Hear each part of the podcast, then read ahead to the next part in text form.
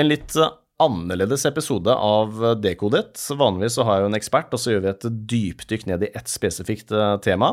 Det her er en litt løsere prat. Bryter kanskje litt med konseptet, men jeg har gjort det en gang før med matinfluenser Kane, som jeg syns var veldig gøy. Og da var vi også innom mange forskjellige temaer uten at vi kanskje dekoda noe som helst.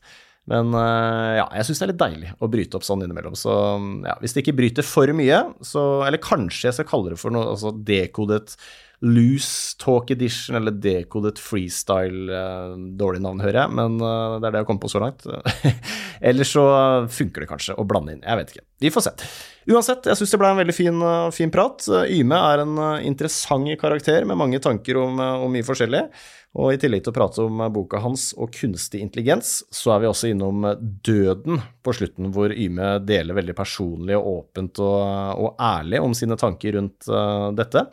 Så her kommer en løs prat med forfatter Yme Herder-Gøtter. Dekodet. ChatGPT viser jo enkelte tegn på kognitiv menneskelig fatteevne eh, som er kopiert.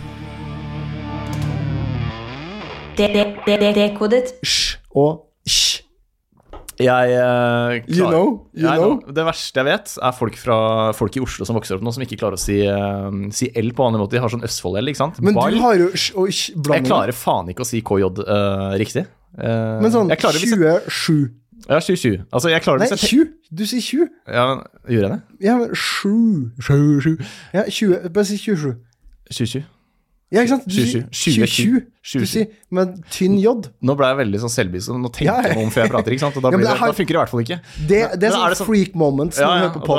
da, altså at du skrur av, liksom? Nei, nei, nei, nei men bare er- sånn Sånn Nå, nå mister jeg liksom uh, podlederen, liksom. Eller liksom den, Ja. den som har poden. Autoritet, eh, holdt på å si, ikke autoritet, men Jo, jo, litt autoritet. Ja, ok, jeg gjør det, ja. Nei, altså, du mister ikke det. For nå har jeg jo prata med deg og blitt kjent med deg som et menneske. Ja, Hvis du hadde hørt på første gang, så hadde jeg sagt jeg skal på kino i morgen.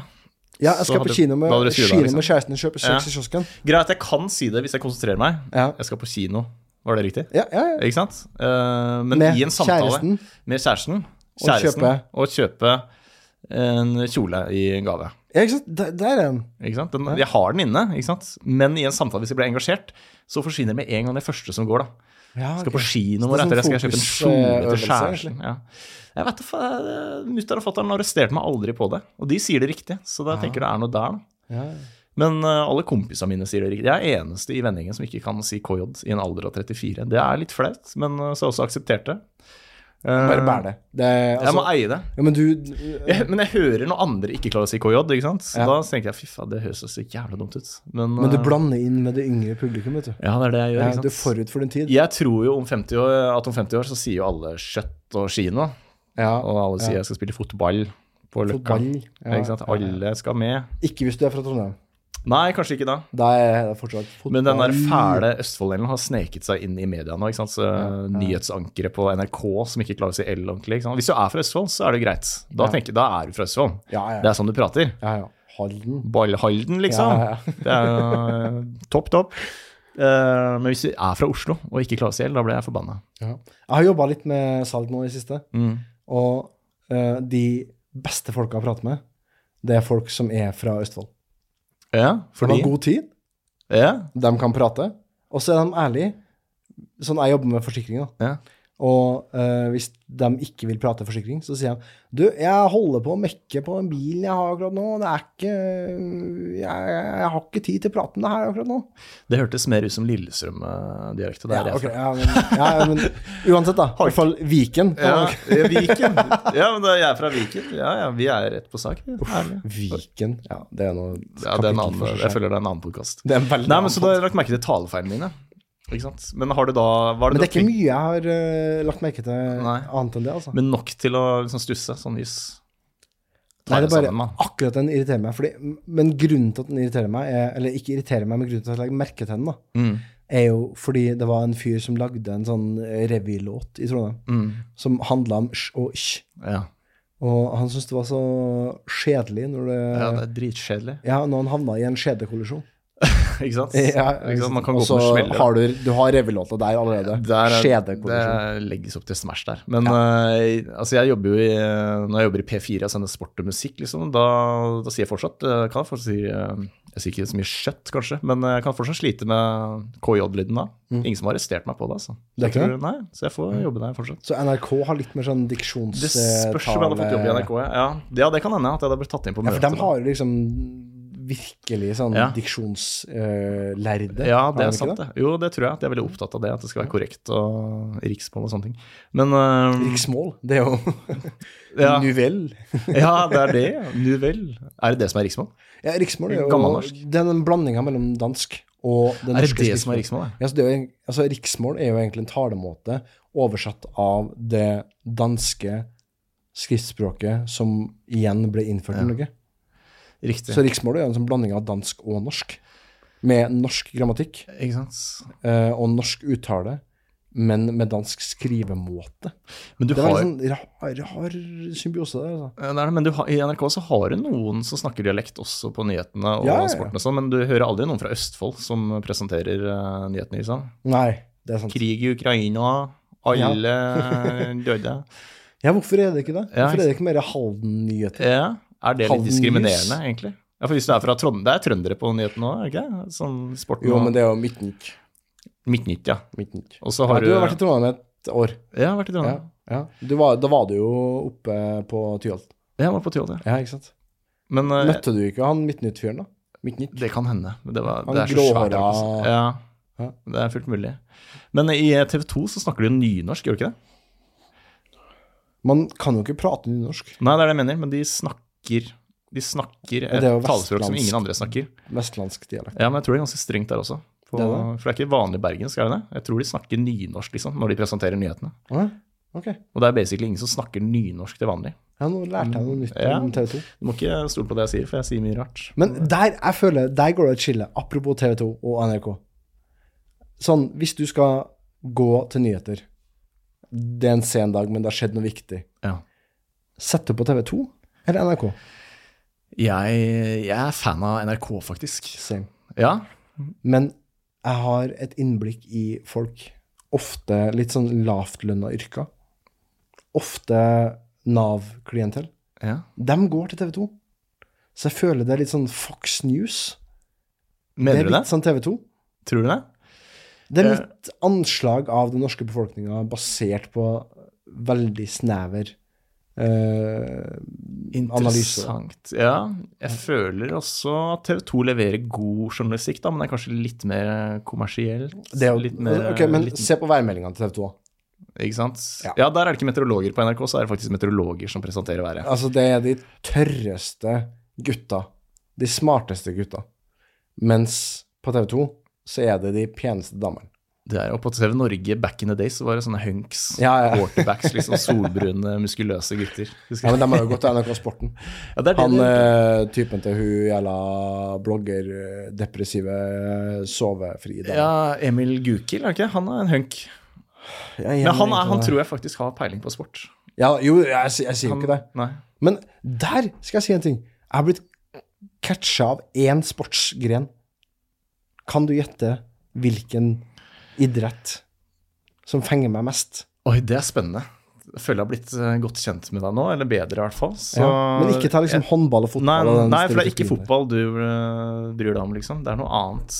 Uh, jeg tenker kanskje at Yme er en sjakkspiller, jeg, altså. Ikke det. Uh, Enda mer primalt. det er ikke cricket. Nei, nei. Fortell. Formel 1. Du er på Formel 1-kjører. Ja, ja. Du, som alle andre. Jeg har ikke turt å se denne serien som alle snakker om, Fordi da blir du helt hekta. Du må se det. Men det som var morsomt, var at når jeg uh, skulle dra på, nei, på ungdomsskolen, ja. så sto jeg opp i sekstida, og så uh, så jeg Two and a Half Men.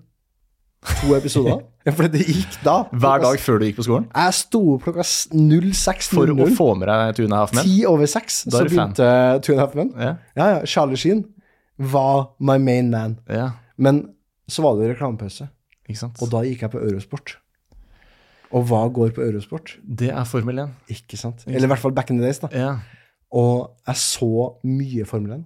Så du var en early adapter før det ble kult å se på Formel 1, så var Ja, ja. du inne i gamet, liksom? Ja, ja. Og jeg holdt med Ferrari. Og så hoppa jeg av, fordi Ferrari hadde jævlig mange dårlige sesonger. Ja. Og nå så kom de jo inn i gamet igjen, i sånn 2019. Men de har jo altså Italiensk plan. ja. Sånn hadde du liksom Hvis du, hvis du hadde vært i EU Vært Og- i EU. Ja, hvis du hadde sittet i EU, Ja. og så hadde du fått beskjed om at ja, vi har en plan nå, og den går sånn og sånn og sånn, bla, bla, bla. Du har fått lagt fram hele planen, og så helt på slutten så hadde du fått vite at den er utarbeida av to italienske menn. Hm. Du hadde blitt litt skeptisk. Sånn Fordi- italiensk planmessighet. ja, ok, er det noe? Det, jeg har hørt om sveitsisk planmessighet, Ja, men tysk eh, Den, eh, altså, tysk Mercedes har jo vunnet sju år på rad, ja. men den italienske Er det litt mer sånn adhoc, eh, tar som det kommer? Er det dårlig? Det er så elendig. Og jeg har en konspirasjonsteori som jeg kan lansere akkurat nå. Gjør det? Jeg tror at eh, sånn mafiavirksomheten i Italia har satsa veldig mye penger på Red Bull. I hvert fall i fjor, hvor Ferrari gjorde det bra. Ja. Fordi Ferrari hadde veldig bra sesong. Veldig bra bil. Veldig, veldig gode sjåfører. Sånn verdens beste sjåfør kjører for Red Bull. Verdens nest beste sjåfør kjører for Ferrari. Allikevel så slet den Ferrari-sjåføren med å komme seg på andreplass. Og da tenker jeg med en gang her er det et eller annet Corleone-blod okay. som er inn og tuller med tallene. Og, og nei, vops, vi fikk en motorfeil. Oi. Men hva er baktanken her? Hvorfor uh, Det er jævlig mye penger Ja. i formelen. Sånn insane mye. ja. Sånn Will Smith viste seg ikke etter Oscaren på noen andre arena enn Formel 1. Hva er det Red Bull da tjener penger på, lurer jeg på? For de selger jo bare brus. Ja. Red Bull er en sånn konglomerat blitt som bare tjener helt hinsides med penger. Hva er det de tjener på? Hva, hvor kommer inntekten fra? Den kommer jo på i drikken. Er det det som finansierer alt det de eh, reklamerer for, liksom? Ja, ja. Drikken i seg selv? At folk over hele kloden drikker Red Bull, liksom? Mm. Det må jo være det. Men de sponser jo jævla sære ting. Så de får et fortrinn. Sånn, har du hørt om Coca-Cola Formula One Team? Nei, aldri. Nei, det fins jo ikke. Nei, nei, ikke sant. Ikke sant? Men Red Bull, Ja, fra 90-tallet og fram til der der de, de er i dag, de er verdensmestere. Men for, altså, Formel 1 må jo være en ren utgiftspost for Red Bull. Eller er det noe, rett- det noe TV-rettigheter her, kanskje?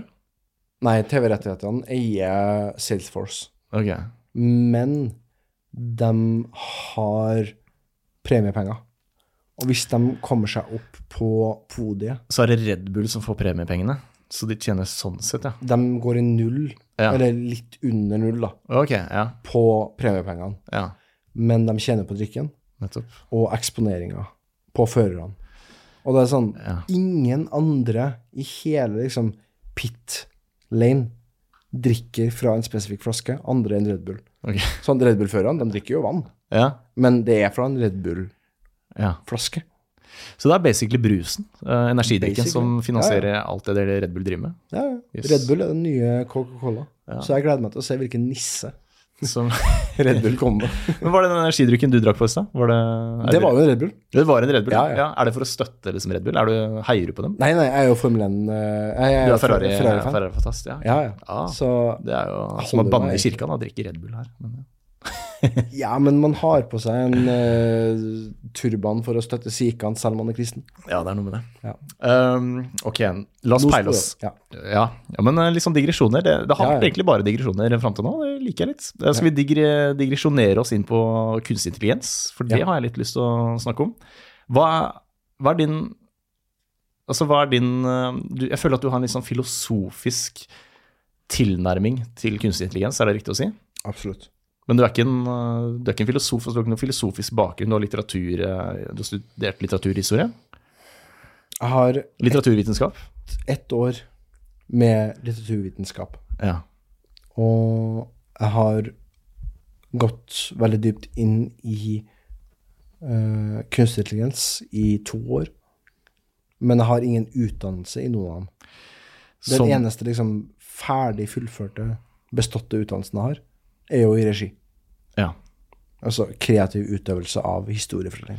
Så hvor kommer interessen for kunstig intelligens fra? Er det sånn personlig prosjekt, toårsprosjekt du drev med, som du dykka ned i materien for å Ja, fordi altså, du er nysgjerrig, eller? Både òg. Altså, uh, nå skal jeg gi en liten shout-out til Kristoffer Schou, uh, som var, og er Eller nei, nei, vet du hva, jeg skal ikke si er, men var i fortid et geni.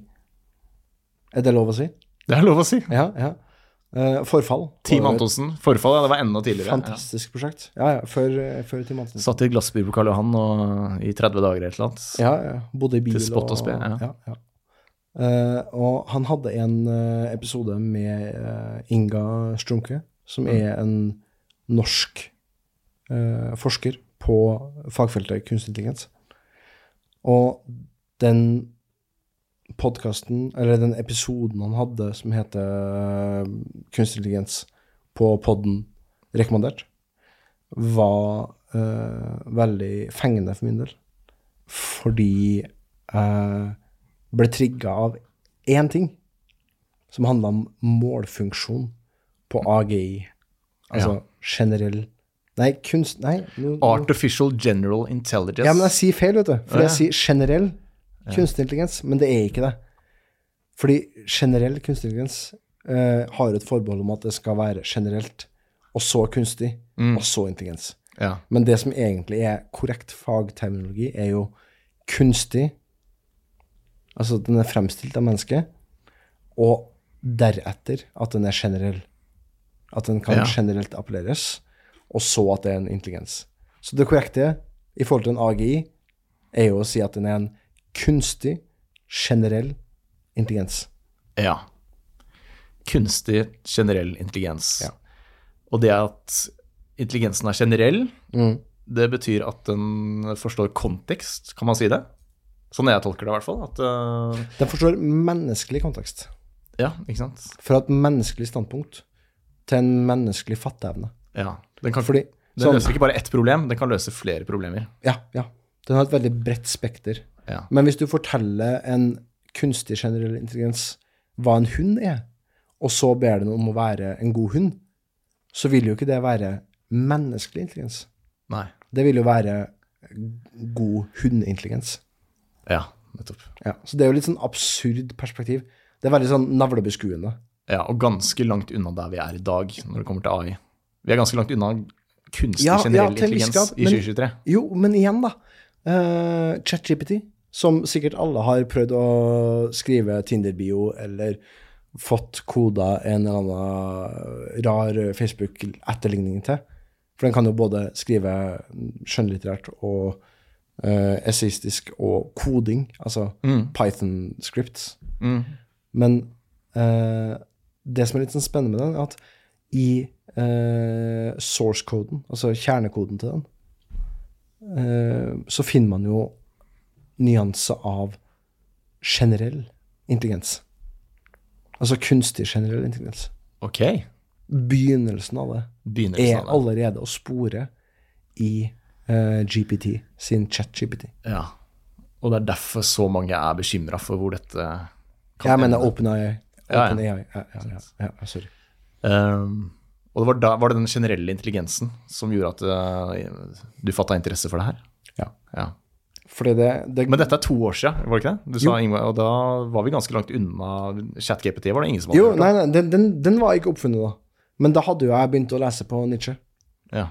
Og det han skriver om, er jo veldig mye av uh, det som samfunnet vårt er belemra med av normative strukturer. Som igjen medfører en trang til å sprenge de grensene på utsida, og eh, og skulle appellere til den konforme strukturen som disse grensene legger på oss Da mista du ring. som skapere. Eh, det der må du utdype, Ime. Ta den en gang til, sånn at jeg henger med. Ja. Ok, så eh, Nietzsche skriver jo eh, veldig mye om mennesket, og menneskets utvikling i sitt eget indre. Ja, ok. Uh, og det appellerte til meg på en sånn måte at jeg ville skrive noe som fremmedgjorde mennesket. Ja. Ok. Og der begynte på en måte prosjektet Misantropia. Ja, for misantropia heter boka di. Misantropi, det betyr jo basically menneskefiendtlighet eller forakt mot menneskeheten eller et eller annet sånt. Ja, forakt. Ja, ikke sant? Og, Og det er et veldig fint ord. ja. Altså forakt. Hvem er det som har forakt mot menneskeheten da? I boka di, er det menneskene sjøl, eller, er det- eller er det maskinene og robotene Det, som forakter? det, det kommer fram i bind to. Ikke sant? Jeg kan, jeg, kan røpe. Ja. vet du hva, jeg kan røpe så mye som uh, at siste ord i bind to, som er da Altså, det, den består av to bind. Så siste ord, absolutt siste ord, i bind to, er første og eneste gang misantropia nevnes. ja. Litt rært eh, virkemiddel, kanskje? Er det litt sånn bevisst? Absolutt. Ja. absolutt. Altså, det er jo et punktum. Det er et punktum. Ja. Tittelen er et punktum. Spennende. Mm. Er det Jeg tolker jo det som en uh, dystopisk bok. Jeg syns tittelen er litt dystopisk. Altså, an, uh, Antropi.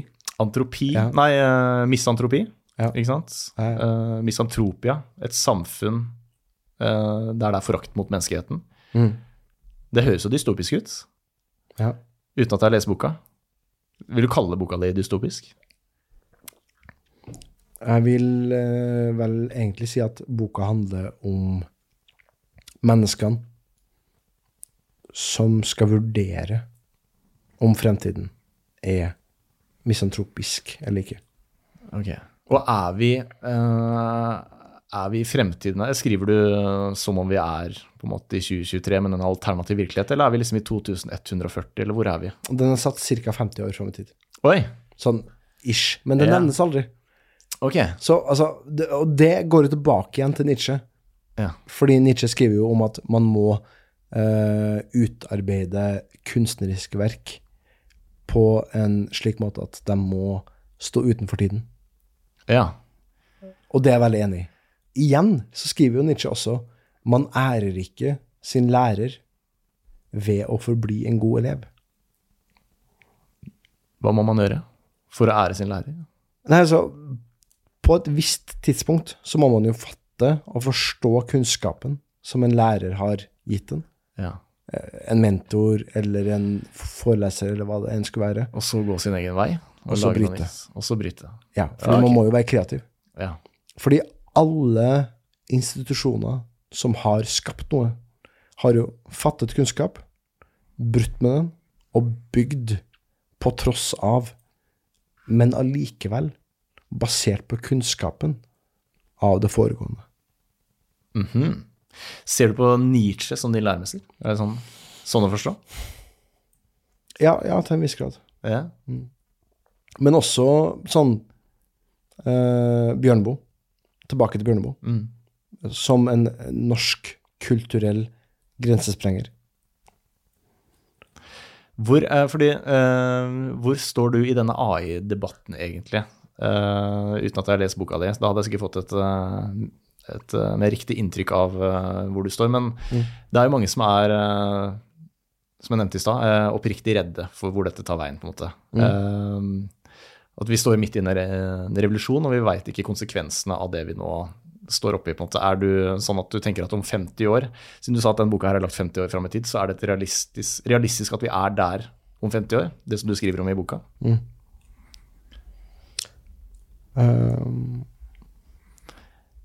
Eller tror du at uh, Ja, så skjønte du spørsmålet mitt. Er du um, ja, det var ikke egentlig et spørsmål. Var det ikke det? Det var en påstand. Ja, ja. Men en Det var et punktum, det var ikke et spørsmålstegn på slutten. Nei, kanskje ikke var det. Men spørsmålet er, du en, er du en optimist? Sorry, nå, nå kommer haten på igjen. Spørsmålet mitt var egentlig om, om du er en optimist da, når det kommer til kunstig intelligens. At dette er til det bedre for menneskeheten. Mm. Eller om øh, det kan gå jævlig gærent, da, som det er noen som også spår. på en måte. Mm. At dette er vår undergang. da. Hvis vi drar det helt til ytterpunktene her. da, på en måte. Enten eller. Det blir litt svart-hvitt, selvfølgelig. Altså, mennesket splitta atomet. Og vi fikk til å bruke det til to ulike formål. Vi klarte å skape en nesten temmelig, nesten utømmelig kilde til energi. Vi klarte også å skape et masseødeleggelsesvåpen som var så å si, ja, ok, nesten, forbi vår fatteevne. Og jeg tenker jo litt i de samme retningene når det gjelder kunstig intelligens. Vi har et verktøy her som har kapasiteten til å både destruere, eh, belemre, altså legge føringer på hva vi kan og kan ikke gjøre, i, i form av belemre, da. Eh, men også eh, navigere ambisjonene våre til hvor vi kan gå. Ja. Skjønner du hva, hva jeg mener? da? ja, ja. Du har potensialet til å Det bare, jeg spør ikke fordi å være frekk, jeg spør for Ja, ja. Og, Nei, jeg tror jeg henger uh, Har jeg uttalt meg som en idiot nå, eller ikke? Nei, jeg tror jeg henger med på, på det du sier, men det er vi har hva skal jeg si, vi har potensialet eller kapasiteten til å kunne um, håndtere det, da. Ja. Men det er ikke sikkert det går den veien. Mm. Det kan jo komme ut av kontroll. Ja. Når du snakker om generell kunstig intelligens, er ikke det det krysningspunktet som man snakker om? Eh, Man snakker om superintelligens, altså kunstig superintelligens eller kunstig generell intelligens. Mm. Idet den kunstige intelligensen blir smartere enn den naturlige, det vi kaller for eh, menneskelig intelligens, da, Mm. så kan den kunstige intelligensen på eget initiativ uh, finne ut hvordan den selv kan bli enda smartere. Altså, det er jo underliggende Ja. for en generell intelligens. Ja. At den skal forbedre seg selv. ja. Fordi når du vokste opp Du hadde jo oppdragelse av mor og far, men du anså jo ting fra ditt eget perspektiv, Ja, ja. og tilslutta deg konklusjoner som du selv hadde eh, konkludert med i ditt indre, ja. og tilskrev det til den verden du levde i. Mhm. Og det samme vil jo en generell intelligens gjøre også. Ja. En generell kunstig intelligens. Ja, altså en kunstig Generell intelligens. Ja, ja, ja. Men det er fortsatt nå Der vi er i dag, da, så har vi fortsatt Eller vi har um, det er jo, Vi har gitt den kunstige intelligensen et mål, da. Disse språkmodellene om at den skal lære seg. Har vi ikke det? Det er nettopp det. Ok, hva mener du? Hvis du har en kunstig generell intelligens Ja, men bare, vi har ikke det i dag. Nei, vi har ikke det i dag. Nei. Men ChatGPT viser jo enkelte tegn til at her er det et generelt perspektiv på kognitiv, menneskelig fatteevne mm -hmm. uh, som er kopiert. Og hvis den da klarer å matche vår kognitive fatteevne enda bedre enn den gjør i dag Fordi per dags dato så er jo ikke denne greia online. Eller det er iterasjoner av den som er online, som er integrert i Bing. Men det er jo veldig sånn eh, begrensa versjoner. Men den dagen den her går online, så vil jo den her ha eh, muligheten til å søke på nettet på samme måte som du gjør. Ja. Og når den gjør det, så vil jo den ha muligheten til å overskride min og din kognitive fatteevne. Én ting er at den kan lese tekster raskere enn jeg og du gjør. En annen ting er jo at den kan trekke konklusjoner raskere enn deg og du gjør. Mm. Og den kan trekke ulike konklusjoner og samføye eller sammenligne de konklusjonene, og basert på det komme med et utspill mye raskere enn det jeg og du gjør. Ja. Og når den gjør det, så har jo den begått en Altså, den Eller på et eller annet tidspunkt, da, når den kommer med et, mots, eller et svar tilbake, da, så vil jo den ha en påstand. Den vil være selvsikker i sin påstand. Det er den jo allerede. Men enda mer enn når den har søkt nettet etter eh, dagens mest relevante data. Ja. Eller mest relevante artikler eller tekster osv. Og, så videre. og da vil jo den være veldig selvsikker i sin påstand. ja. Og det er jo på en måte Ja, det er der uh, vi mister litt overblikk, da. Fordi du kan jo ikke lese La oss si at du ser i loggen til uh, ChatGPT Bing-versjon, som kan søke web, uh, og ser at den har lest 200 artikler Mm. på fem minutter, og kommet fram til en påstand om covid-vaksiner. Bare for å ta et tabloid tema. Og den eh, kommer med et utsagn som bryter med det du tenker. Mm. Så vet jo ikke du om du egentlig kan stole på det. Nei. Det eneste du kan stole på, er målfunksjon. Og det er det jeg tar opp på boka altså. Fordi målfunksjon, som jeg ikke kommenterte så mye på tidligere, men jeg kan ta det nå. Ja. Målfunksjon definerer jo Altså, det er en slags navigering eh, for hvilket eh, spor, eller hvilken retning en AGI skal gå i. En kunstig generell intelligens. Kan du definere målfunksjon på en presis måte? Om ikke presis, så bare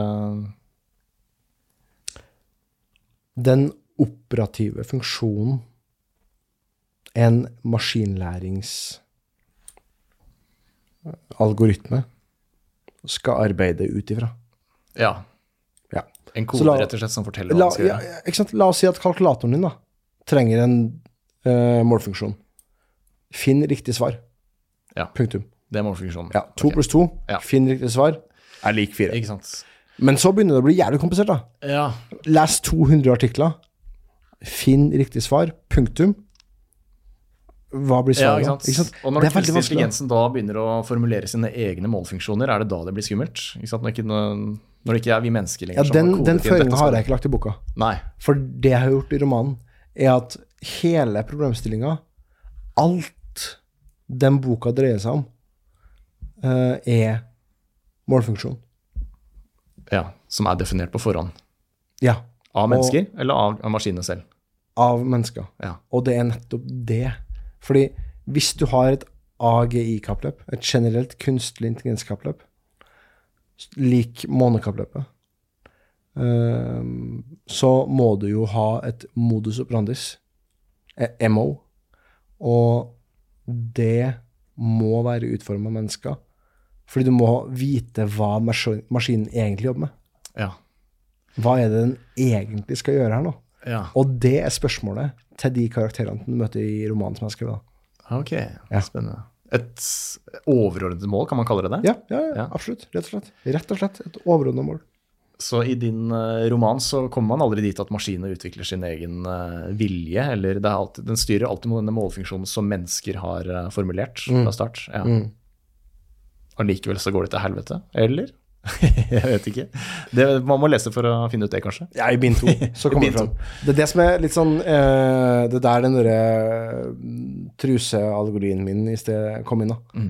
Hvor eh, jeg viser på en måte i slutten, helt i slutten av binden, så møter man uh, Yggdrasil, Ja, som den kunstig intelligensen heter. Okay. Fordi det er jo kunnskapens tre. Ja. Og jeg kan jo avsløre såpass mye som at målfunksjonen, den blir innkoda med til slutt, har en sammenheng med kunnskap å gjøre. Ok. Ja. Uh, og den er jo også, sånn for sci-fi-nerdene så er den jo utforma som et tre. Ja, det er fysisk, liksom? Ja. For den er basert på passiv kjøling. Det er en datamaskin, eller en Rett- robot om du vil, som er utformet som et tre. Og slett eh, computeren Computeren. er utforma som et tre. Så den har en passiv kjøling på toppen, altså på overflaten Mm. av Svalbard. Og så går den under bakken. Frølageret? Ja, det er i et, eh, i et fiksjonelt frølager, da. Ja. Men det er jo i en bunker eh, som er tilpassa min stilistiske preferanse. Men hovedprinsippet er jo at den er passiv kjørt. Av, eller passiv avkjørt av et uh, tre på overflaten. Og så går det ned i en computerenhet som er avkobla internett. Er det et fysisk, eh, organisk tre, eller er det et maskintre du snakker om? Det er metall. metall. Ja, ja. Okay. Ja. Uh, nå skal jeg jo ikke avsløre Nei, ikke gjøre. hvilket metall den er konstruert av, fordi det har igjen uh, en uh, funksjon, Mm. rent narrativt. Fordi den er konstruert av et metall som har en påvirkning på historien, da. Ok. Ja, Spennende. Ja. Men har du skrevet boka som et varsku til hva som kan skje, eller er det mer sånn at du har vært kreativ og kunstnerisk og bare tenkt at dette er gøy å drodle rundt, liksom. Det er en spennende, spennende historie. Eller ligger det noe under her som du tenker at det her er en kommentar? Altså, den er vel skrevet på en sånn måte at man kan tolke det man vil ut av den, til en viss grad. Ja. For den har visse rammer. Men i all hovedsak så er det en underliggende frykt. Ja. Fra min side. Som du også som personlig forfatter. bærer på. Du har en underliggende frykt selv, Ja. som kommer til uttrykk i boken gjennom historien din. En underliggende skepsis. Skepsis. Ja. Ja. Jeg er veldig glad i kalkulatoren. ja den Jeg var jo på skolen når folk sa ja, det kommer aldri til å komme noe verktøy som kan være med dere og kalkulere de regnestykkene her. Hvor vi satt og, i, timen, i mattetimen og sa men foreldrene mine hadde kalkulatoren i lomma. Nå har vi smarttelefon. Mm. Hva, er, hva, hva er det du snakker om? Hva er det du prater om? Og igjen, når eh, kidsa som går på skole nå, som er i hvert fall 10 år yngre enn meg, 27, ja, 17, skal skrive en eller annen fagtekst eller fagartikkel eh, på videregående, så kan jo de si til en lærer at Men jeg trenger jo ikke egentlig å skrive det her. Jeg trenger å skrive føringene for hva teksten skal handle om. ChatGPT eksisterer. Mm. Du kan jo ikke plugge det ut.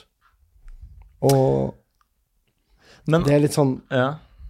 Men kan man ikke ja, altså, ja. Kan man ikke plugge det ut? Fordi eh, det tenker Hvis man tenker eh, dystopisk, da, at ting går skikkelig til helvete, så er det én vesensforskjell mellom menneskelig, naturlig, organisk intelligens og maskinintelligens. Og det er jo at maskinintelligens det går på strøm. Og så lenge det går på Det må ha strøm for å funke. Og vi har muligheten til å plugge ut kontakten. Så lenge vi ikke Hæ, har vi ikke det? Kan jeg pisse? Ja, ja, du kan pisse. Strøm. Strøm. Ting går skikkelig til helvete. Muligheten til å dra ut kontakten, basically. Har vi ikke det? Kanskje ikke i praksis, siden uh, Ja, jo, altså, men altså eh, Det jeg har tatt forbehold om i boka, i hvert fall, da, er jo at den her er uh, forsynt med strøm Ja. kontinuerlig.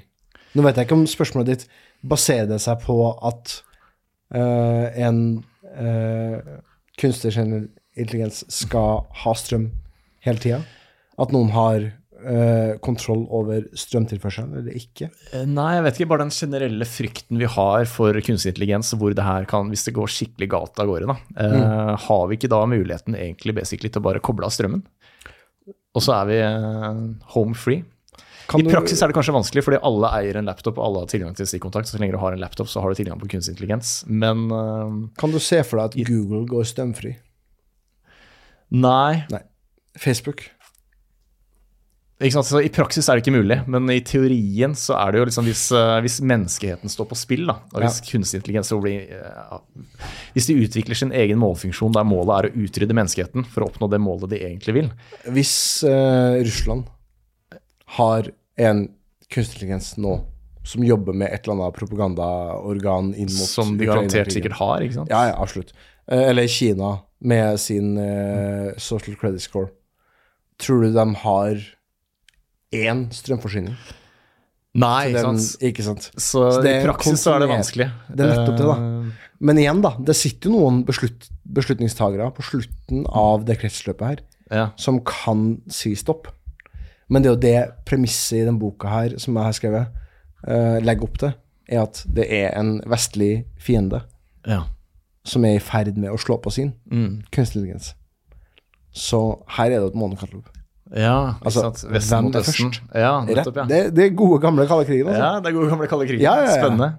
Men jeg tenker jo Vesten mot Østen, eh, det kappløpet, det stopper jo hvis, eh, hvis det er en frykt for at menneskeheten går under, da, hvis vi drar det enda lenger, da, bare for å drodle litt. Ja, men vi har jo sett det utspille seg tidligere. Sånn, dine foreldre, mine foreldre, levde jo begge under kalde krigen. De hadde jo ikke noe reell innvirkning på atombombestrategien til Amerika og eh, Sovjet, da. Men var frykten på den tida at hele menneskeheten skulle gå under? Var kanskje det? Var det kanskje så Min mor har jo sagt til meg at hun så eh, enkelte TV-sendinger og anerkjente en reell frykt for at nå kan alt slutte å eksistere. Ja. Rett og slett fordi her er det atomvåpen fra amerikansk og sovjetisk da eh, side som står mot hverandre. Altså stridshoder som er armert og klar i ubåter som er udetekterte i ulike farvann. Eh, og det setter jo på en måte premisset for ikke bare den boka her, men også altså fortid, nåtid og fremtid. da. Vi har jo masse utslettingsvåpen, altså masse ødeleggelsesvåpen, som kan destruere jorda opptil flere ganger. Det er sant, men det er verken i Russlands interesse eller Nord-Koreas interesse eller Kinas interesse at det faktisk skjer. Det er, ingen, det er ingen interesse at uh, menneskeheten blir utsletta. Nei, men kontroll, da. Hva mener du? Kontroll? Kontroll. Ja, ja, og kont kunne kontrollere. av- ja, ja. ja, ja. Ikke sant? Og hvordan skaper du god kontroll? Du må sitte på ressursene og makten, da, Data. Som er data i dette tilfellet. Eller altså basically altså safari, cookies. Ja, ikke sant? Ja. Nei, men jeg bare tenker, altså, det blir plutselig det som blir øst mot vest, blir plutselig en felles fiende hvis kunstig intelligens blir så intelligent at den uh, truer hele menneskeheten, vil jeg se for meg. da vil- Basert på at den har en målfunksjon Ja, som tjener ditt formål.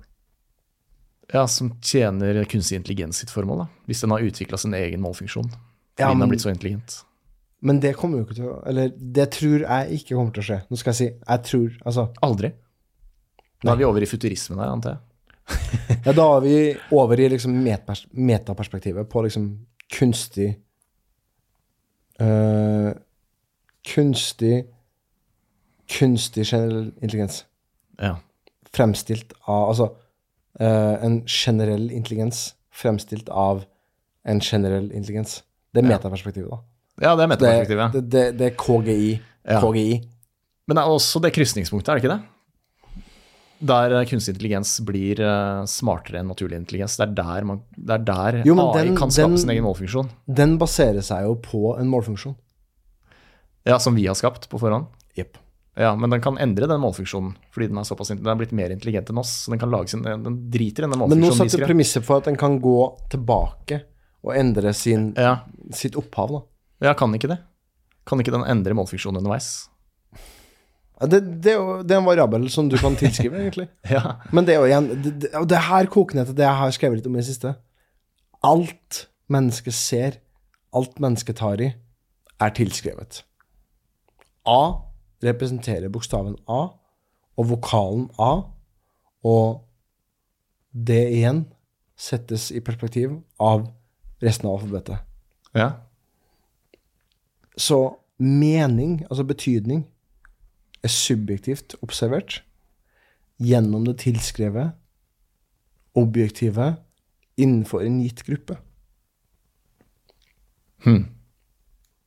Var det jeg, jeg, er ikke, jeg er ikke ferdig med det her. Nei. Det kan være rotete. Ja, nei, men jeg syns du har interessante perspektiver. Men den siste, jeg sleit litt med å henge med på den. Ok, så bokstaven A Ja. er tilskrevet. Tilskrevet. Funksjonen A. Ja. Men A Altså hvis det er bare Hvis du ser en måse eller en piggsvin eller en hund lage lyden A Da vet jo ikke du at de sier A. Du vet at de lager lyden A. Ja. Men hvis jeg som menneske, som eh, en del av din art, sier A, ja, da så vet du. vet du at jeg har overveid tanken om å uttale og definere A. Ok, ja, nå skjønner jeg. Nå skjønner jeg hva du ja, mener. Ja. Så det er avgrensa til en viss funksjon, som er en representasjon for funksjoner. ja. Ja. Ok. We go deep. det er deilig. Ja, vi gjorde det.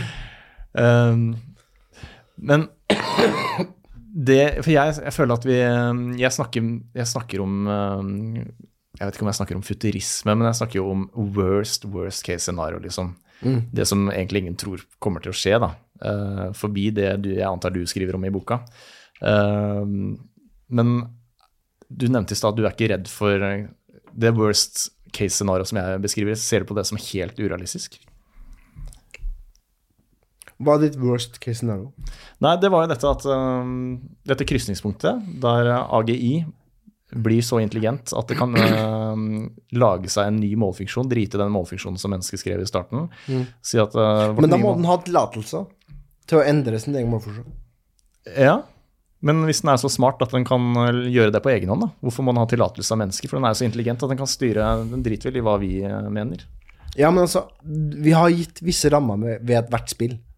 Eller ved, ved enhver operasjon, da. Eh, en snekker kan ikke kjøre en trøkk med 15 tonns lastekapasitet fordi han er snekker. Okay, det, men- det, det, det var du- jævlig dust sagt. Men mener du Sorry, men det var jævlig dust sagt. Men det er sånn, jeg, jeg har ikke lov til å kjøre henger med det og det bevilgningen eh, ovenfor gitt lastetonn. Eh, og hvis politiet sjekker meg, noe en datamaskin vil bli sjekka på kontinuerlig, i motsetning til meg som blir stoppa tilfeldigvis hvis jeg er så uheldig.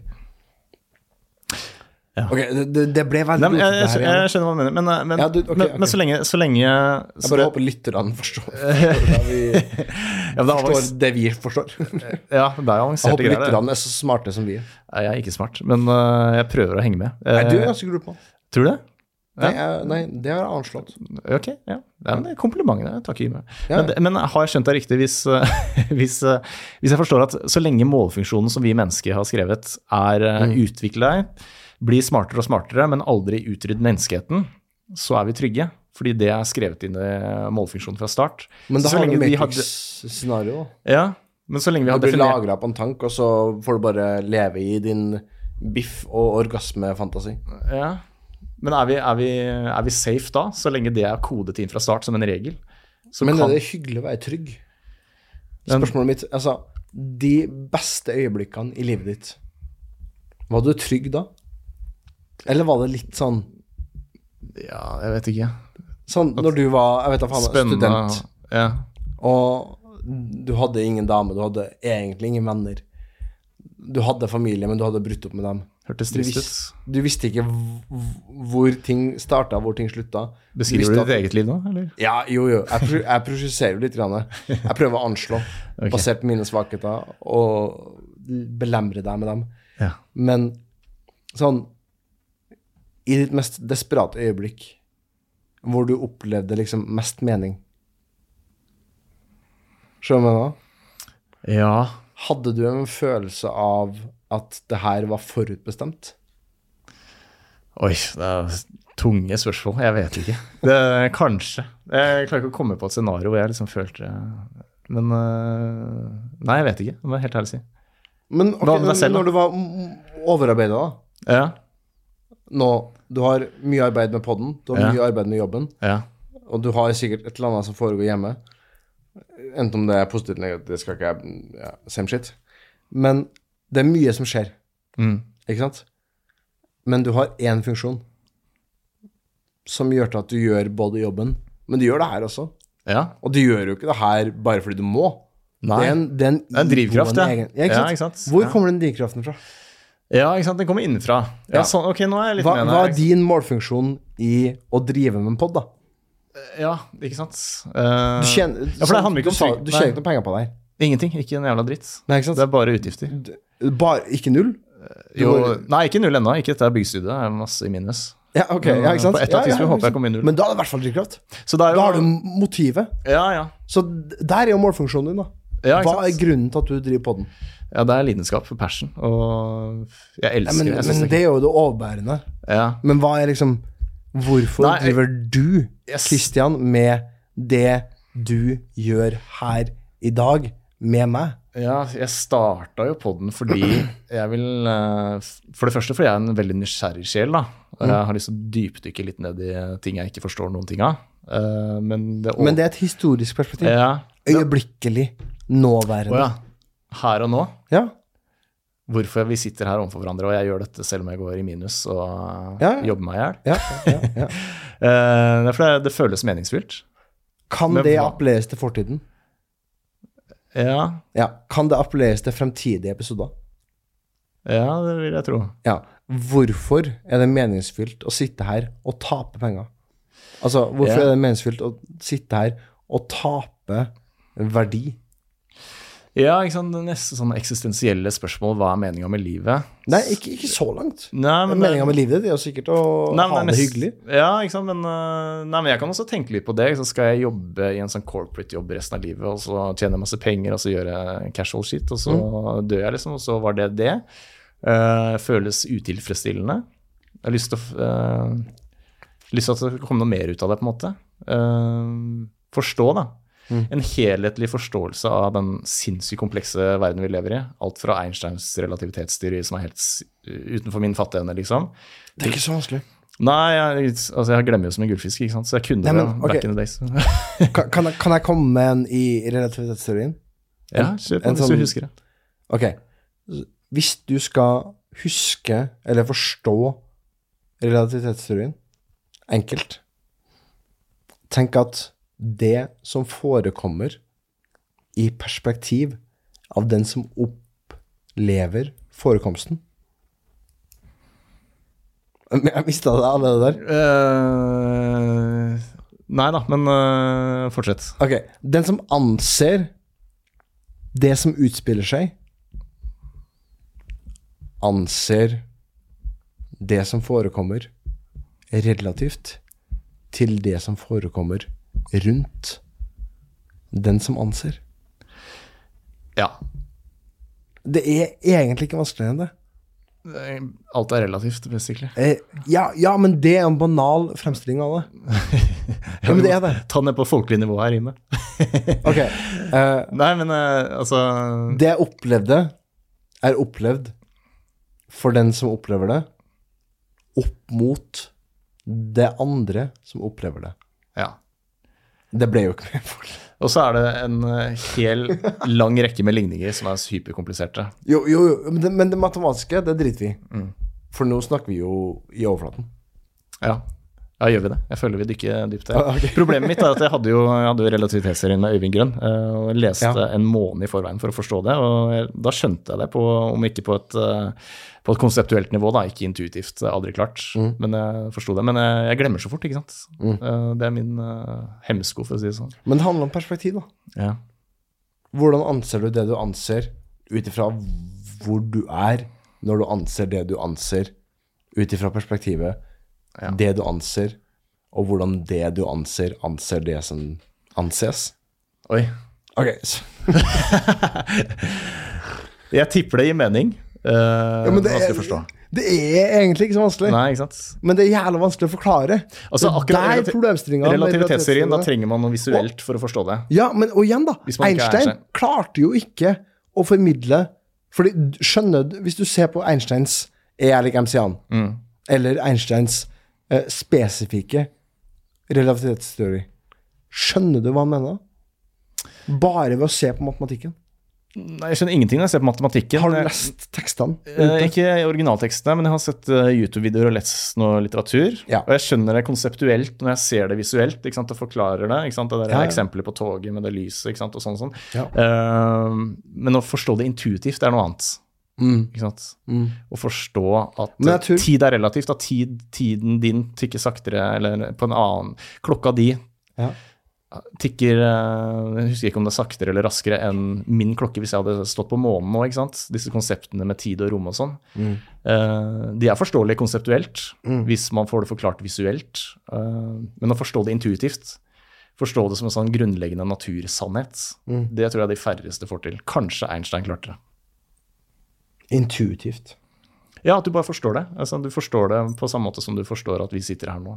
Det er, veldig, det er veldig sånn brytende når du sier uh, intellektuell, intuitiv forståelse. ja, Fordi intellekt og intuisjon er jo to veldig adskilte grener av og, Altså, det ene handler jo om å tenke. Intuisjon handler jo om å føle. Ja. Altså, ja du, føl du føler det. Ja, ikke sant? Mens intellektet Ja. er jo det logiske, rasjonelle, begrunnede, mens intuisjonen Ja. er jo rett og slett antagelsen. Ja, altså jeg vil si at eh, jeg forsto det uh, når jeg hadde podkasten med Øyvind Grønn om dette her, og leste meg opp masse, så forsto jeg det intellektuelt. Jeg forsto det eh, det logiske i det. Men jeg forsto det ikke intuitivt. Jeg kunne ikke føle at det var sant, hvis du skjønner. Ja, jeg skjønner. Jeg skjønner, jeg skjønner, Ja. jeg skjønner. På, på den måten som Einstein Du hadde et klarte indre bilde, men du klarte ikke liksom å Nei, jeg kunne, kunne tegne det, da, ikke sant. Ja, sånn ja, som jeg ser på YouTube. ja. Sånn funker det, ikke sant. Ok, men du klarte å eksternalisere det til en viss grad, da. Ja, ja ikke sant. Eh, men å forstå det bare forstå det, sånn Mm. som vi forstår verden rundt oss. Sånn som vi forstår, forstår vanlige fysiske lover. ja. Vi forstår at vi slipper en sprettball, så faller den mot bakken. Det forstår vi intuitivt at det bare skjer. Jo, men jeg skjønner hva du mener, fordi jeg, jeg har jo en veldig konkret, internalisert uh, fremstilling av relativitetsteorien. Mm. Og jeg prøvde jo å eksternalisere den med å si den høyt til deg. Ja. Og du så på meg som Ja. jeg var en idiot. Og så begynte jo jeg å tvile på Nei, men det er Har, har jeg sagt noe galt nå? Nei. Er jeg en dårlig formidler av min fremstilling av virkeligheten? Nei. Eller det har du Nei, det handler ikke om forstått hva jeg sa? Eller? Grunnen til at jeg ikke forsto hva du sa, er basically fordi jeg har dårlig husk. Så jeg, ja, og det der den jævlig å menneskelige bristen begynner, da. Så hvis jeg hadde forberedt meg og lest om den generelle relativitetsteorien på nytt før vår samtale, Mm. eh, så hadde jeg forstått deg bedre. Men jeg, har, jeg var veldig god på skolen fordi jeg var god til å pugge. Jeg husker veldig raskt, og så glemmer jeg det like fort. Og det har vært Målet mitt med podkasten er at jeg skulle bli eh, superopplyst, ikke sant. Men Mm. eh, jeg har glemt alt. Litt sånn rekommandert. eh, Ja, ikke sant. Så, ja, ja, litt sånn, ikke sant. Men jeg kan jo gå tilbake til gamle episoder og høre på nytt. Og da kommer vi sikkert raskere fram. Men sånn Hvis det er noe trøst, så Ja. har Skau ekstremt dårlig hukommelse også. Ikke sant? Så det prosjektet vårt det funker jo egentlig ikke i praksis, men det er veldig gøy. da, ikke sant? Ja, men altså, jeg, altså, jeg liker det. Og det som er morsomt, som jeg håper at lytterne kan få noe ut av det her, vrøvlet som vi har Altså, vi har, jo, vi har jo ikke hatt én rød tråd. Vi har jo spora av konstant. Deilig! Ja, ja. Men eh, noe jeg håper lytterne kan få et eller annet ut av, er jo en sånn følelse av at ok, man kan tilegne seg kunnskap, man kan forstå det, Ja. og så kan man glemme det totalt. Men allikevel så ligger nysgjerrigheten der. Og hvis Ja. du treffer hvis, La oss si at du treffer Jeg vet ikke hvor lyttertallene dine er, men hvis du treffer én lytter da som blir inspirert Hva faen? Han har skrevet en bok. Trenger ikke være en kunstnerisk engang. Kanskje han skriver bok om liksom øh, levende sjøhester i menneskelig skikkelse. Ja. Altså bare for å være totalt absurd, da. Hvis du treffer ett menneske, da, føler du at du har gjort en god jobb? ja, det vil jeg si. Ja. Ja, ikke sant. Det er kanskje litt Og det samme samme indre drivkraften. Ja, ja, ikke sant. Ja. ja, for jeg har ikke noe mål om at dette her skal bli en uh, pengemaskin. Det tror jeg ikke. Det er, uh, Podkastmarkedet er så mett, da, så det, det kommer aldri til å skje at jeg kan leve av dekodet. Det tror jeg ikke. Det har vært gøy, men Mm. eh, sånn som verden ser ut nå, så tror jeg ikke det er mulig. I hvert fall ikke i Norge. På. Jeg liker podden. Ja. Jeg hadde vært Ja, en, jeg hadde vært en uh, patron. Ja, ikke sant. Men jeg må ha Eller jeg kommer til å bli en patron. Ja, takk skal du ha, Jimmy. Men eh, Jeg med skal jeg leve av det her, ikke sant, med leilighet og sånn, så må jeg ha inn uh, 35 000 uh, mer enn det også før skatt hver måned. ikke sant? Og det er urealistisk per i dag, da. Eh, men det er også noe med at selv om man glemmer noe, så kan man jo gå tilbake. Og når man hører det for andre gang, husker man det gjerne bedre. Mm. For jeg har jo lært det en gang, så har jeg glemt det. Relativitetsteorien. Det var i fjor. Jeg har ikke forholdt meg til det siden. Altså, men hvis jeg tar det opp igjen nå, så er det kanskje lettere å ja, ja. forstå det. da. For andre ja. gang jeg ikke. Jeg, jeg angrer veldig mye på hva jeg har sagt allerede nå. Hvorfor? Nei, jeg angrer jo på hva jeg sa om eh, Altså Jeg skulle jo ønske at jeg var mer forberedt. Jeg skulle ønske at vi hadde en mer rød tråd. Fordi det her har vært en meget assosiativ episode. Veldig sporadisk. Men vi blei jo enige om at vi skulle ha en løs prat da, om ja, ja. ingenting. Men vi så- snakka jo ikke ett sekund om døden, som Nei. er liksom Vi er ikke ferdige, ferdig, vi er ikke ferdig. min kjærkomst. Ja, ja, men vi skal til døden. Ja, ja. Uh, men det, det jeg er litt nysgjerrig på, er om du, siden du bare hoster opp den, uh, en formulering rundt uh, relativitetsteorien, om du har en annen type hjerne enn meg. Eh, Sånn at du husker det når du har lært deg det relativitetsteorien, da. Mm. Uh, så bare hoster den opp nå på stående fot. Uh, setter det seg, liksom? Disse dype, komplekse problemstillingene. For jeg, gjerne Det var funker, dypt, dypt og ja, for komplekst jeg funker, jeg funker ikke sånn. Jeg, jeg lærer noe, og så glemmer jeg det. Og det er veldig sånn superirriterende, men Jeg har veldig figurativ hjerne. ja. Det er veldig sånn visuelle fremstillinger som skapes i mitt eget indre. Ja. Men jeg klarer jo ikke å gjengi dem. Problemet Og det er jo vanskelig å skildre dem. Ja. Det er kanskje fordi Det er altså kanskje problemet til podkasten her er også at jeg eh, tar for meg alt. da, ikke sant, fra. Hvis jeg hadde konsentrert meg rundt verdensrommet og Einstein og de spørsmålene der, så hadde det jo sittet lenger framme i frontallappen, på en måte. Men når jeg da har eh, Nord-Korea, Mount Everest og mat plutselig inne der, og skal skifte fokus hver eneste uke, så er det ikke plass til alt samtidig. Så noe må sjaltes ut. Det tror jeg kanskje er min, uh, min hemsko. Men uh, ellers så funker hjernen min bare annerledes. Jeg vet ikke. Altså, når du har kapasitet til å ta inn alt fra uh, air fryer til uh, Når du hadde Sunniva Rose med kjernefysikk, og du hadde Gunnar Tjomli, det altså skeptikermiljøet Du har jo en veldig sånn nysgjerrighet. Og det er jo ikke gitt at alle skal operere på samme kognitive sneverhet. Nei, Skjønner du det? jeg er jo en generalist, så jeg vil jo lære litt om alt. Ja, ikke sant? Men da ender det også med at man bare sveiper i overflaten. ikke sant? Mm, mm. Og det er også litt kjedelig å ikke kunne dykke dypt ned i alt som jeg egentlig har lyst til. Jeg skulle levd eh, fire parallelle liv, hvis jeg kunne velge. for livet Men- er for kort. Men hva er, hva er drømmescenarioet ditt ved liksom å operere innenfor liksom et, et intellektuelt tema? Fordi du er jo en intellektuell nysgjerrig mann. Ja, det er jeg. Hvis jeg måtte snevre det inn til ett tema, Mm. som podkasten skulle fokusert på Det er ikke bare podden. Deg som menneske. Altså Oi. Christian, liksom. Nei, men jeg tror, eh, jeg tror det handler om at jeg hadde det fokuset i uh, ungdomstida. Da jeg spilte gitar og skulle bli verdens beste gitarist. En sånn naiv tanke jeg hadde i tenårene. Jeg brukte all min tid på det. Det var egentlig jævlig moro å bli en spesialist på et eller annet. Eh, men så tror jeg at det ble så overveldende. Det ensidige og Jeg tror rett og slett jeg var for nysgjerrig til å kunne drive med det resten av livet. Og at jeg egentlig blei en sånn type generalist etter videregående, når jeg la den der gitardrømmen fra meg. Og siden det så har jeg egentlig bare gått i alle retninger og spredd meg selv utover alle hauger. på en måte. Jævlig gøy, men også litt slitsomt. Så veldig sånn ambisiøs type. Ja, kanskje. Sporadisk. Ja, ja. Sporadisk, ja. sikkert. Assosiativ. Ja. Big five, er det det vi er inne i nå? Nei, nei, nei, nei. Altså, jeg har jo gått en regiutdannelse, Ja. men med fokus på skuespillere. ja. Uh, og da hadde man jo fokus på metoden. Men jeg avskyr jo metoden. Jeg vil helst skrive min egen. Ok.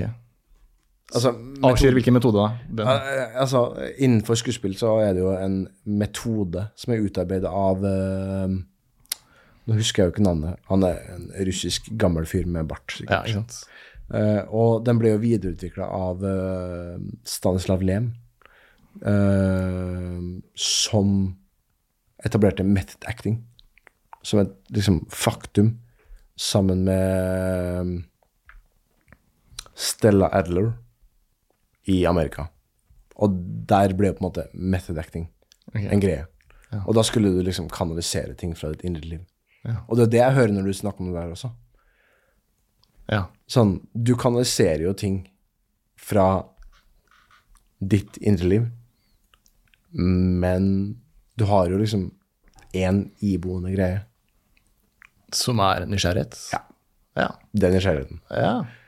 Og så kan man jo liksom velge på hvilken måte skal man analysere nysgjerrigheten. ja. Er det liksom freudiansk perspektiv? Altså, skjønner du det? ja. Eller er det liksom eh, fra Kirkegård sitt perspektiv? Og bare der så har du jo liksom to vinklinger inn mot samme tema. Ungdommen din. Freud mener jo at ungdommen din handler om liksom eh, pupp eller fitte eller mamma eller pupp eller ja. Mens eh, Kirkegård mener jo at ungdommen handler om liksom uforløst energi, uforløst romant... Han er veldig sånn kjærlig. Ja. Veldig romantiker, ikke sant? Så de har to fokusområder som går inn på det samme, og kan finne et eller annet liksom, definerende om din nysgjerrighet. Men så har du sikkert en tredje igjen. Altså, Nietzsche ville sikkert ha sagt et eller annet ja, om liksom, din intellektuelle nysgjerrighet. Fordi du har veldig fagtunge podkaster. Ja, slitsomt. Men enig. Ja. Ja. Og det igjen kan jo spores til noe som, som er iboende deg som menneske. ja. Og igjen tilbake til målfunksjonen av Ja. hvem er Kristian. ja, spennende. Men det er jo ikke nødvendigvis definerende for hva Kristian skal bli. Nei, det er sant. Og der prøver jeg å kommentere litt i boka mi også. Ok. Én ting er jo hva Yggdrasil er, hvor den starter, men det er også hvor den kan ende opp. Mm. Nå blir jo ikke Yggdrasil slått på før i siste kapittel, men eh, det er mye som skjer der. Cliffhanger. Cliffhanger. Ja, ja. Altså, bok én ender opp med at hovedkarakteren vår, som er en filosof, tar på seg et par sokker, prater med en enke som så mannen sin bli skutt dagen før, og har knulla en generalmajor i det skandinaviske forsvarsallianses eh, cyberforsvar i to dager før ektemannen ble skutt. Ja. Eh, som han da deler en samtale med rett før han ser den kunstig intelligensen, Yggdrasil, Ja. og blir lamslått av skjønnheten. Ja. Ja, det, det, det er mye der også. Jeg er skjønner, jeg merker jeg gleder meg til å begynne på Det er en tenåring som pisser på seg. Det er en uh, russisk flyktning som knuller en eh, pilot. Det er en forfatter som er døden nær, som forakter seg sjøl, men forakter døden mer. Ja. Det er en generalmajor som Ja. elsker Forsvaret, men som ja? Det er mye rart inni ja, der. jeg tror du har et rikt indre liv med mye fantasi som kommer til uttrykk eh, i boka. Jeg skal skrive Min kamp. En oppfølger. Ja. På tross av Knausgård, skal boka hete. Eh, Døden, da. Jeg er spent på døden. Du har eh, ytret at du har lyst til å snakke om døden. Ja. Jeg syns jo det vi gjør med døden i dag Vi tar den inn i kirka, og så lar vi kirka behandle døden uten at vi har en mening om døden. Er du kristen? Nei. Og jeg synes jo måten vi behandler døden på, er ganske sånn skamfull. Og det er jo en kristen moral. Skam og kristendom, det går jo hånd i hånd. Men jeg mener jo at vi burde ta døden enda nærmere. Ikke, ikke dytte den bort når den inntreffer. Når din mor eller far en dag går videre, hvor enn de går, det skal jeg ikke legge meg opp i. Men hva enn som skjer, da, når de forlater denne verden, så kommer jo du til å kjenne på et savn. Men hvorfor skal du sørge over det savnet? Hvorfor skal du ikke bejae det livet de hadde, og heller feire at snart er det også din tur til å dø? Ja. Skjønner du nå? Jeg skjønner hva du mener. Enten Eller jeg tror jeg skjønner hva du mener. Fordi øh, Tenker du at det handler om hvordan vi markerer døden? Det, det er jo Eh, et, et aspekt, av det. Ja, Ja. Det er en, et aspekt av det større perspektiv. Ja. Ja. Uh, for det kunne man, man kunne jo sunget og danset ikke sant? og hatt en uh, glad begravelse Ja, ja. istedenfor en Altså, sørgfull begravelse. Min er begravelse også. Det, Jeg har satt av 50 000 allerede. Det står i et fond. Gjør det? Og det er ballonger og med en korps. advokat som er ti år yngre enn meg. Ja. Og der er det øh, kontraktfesta at det skal gå så og så mye til sprit, eller alkohol, Ja. øh, av vin, øl og sprit. Og jeg har Nå har ikke hun sagt vi, Jeg driver og snakker med henne nå, for det her er noe jeg kom på i det siste. Men hun har sagt at ok, men vi, kan, vi jobber med det her litt etter hvert. Jeg tror kanskje hun melker meg litt på penger, men det, det er en sak ved siden av saken. Eh, men jeg har jo lyst til at når jeg dør, når jeg ligger i kista der, enten jeg skal kremeres eller begraves Jeg vil jo begraves, for det vil jeg at liksom, naturen skal spise av det jeg har spist av. Eh, så vil jeg at liksom, folk skal se på liket mitt, og så vil jeg at de skal spille god punkmusikk. Ja. Eller rocken som er inn i tiden da, ja. i fremtiden. Og drikke og ruse seg og knulle og tulle og tøyse. Folk si, skal si dumme ting, folk skal gjøre rare ting. Folk skal ligge med feil person, folk skal kysse rett person. Og kanskje noen frir. Jeg vet da faen hva som skjer. Det skal være en sånn, orgi med sprit og blink one det two 182 på anlegget, liksom. Blink Den sjukeste begravelsen. Nei, men det er jo ikke, det er ikke liksom det head, Altså, Det er ikke liksom Det Det handler ikke om sex. Det er ikke det det Nei, handler om. livsglede. Livsbejaende, liksom. Ja, feiring av. Men ikke feiring av livet, men feiring av døden, Ja, sa du i ja, ja. Det er sånn Det her mennesket døde. Nå er den døden inntruffet. Fordi jeg var seks år gammel når jeg begynte å føle på dødsangst. Oi. Jeg skrek eh, og gikk ned til min mor og sa 'jeg vil ikke dø, jeg vil ikke dø', jeg vil ikke dø. Og mutter'n sa eh, 'det går bra, alle skal dø'. Ja. Og da gikk det greit. Ja, ikke Ok, alle er på vei. Vi Altså, er på vei Det er ingen som har overlevd hittil. Kjartan Kristiansen.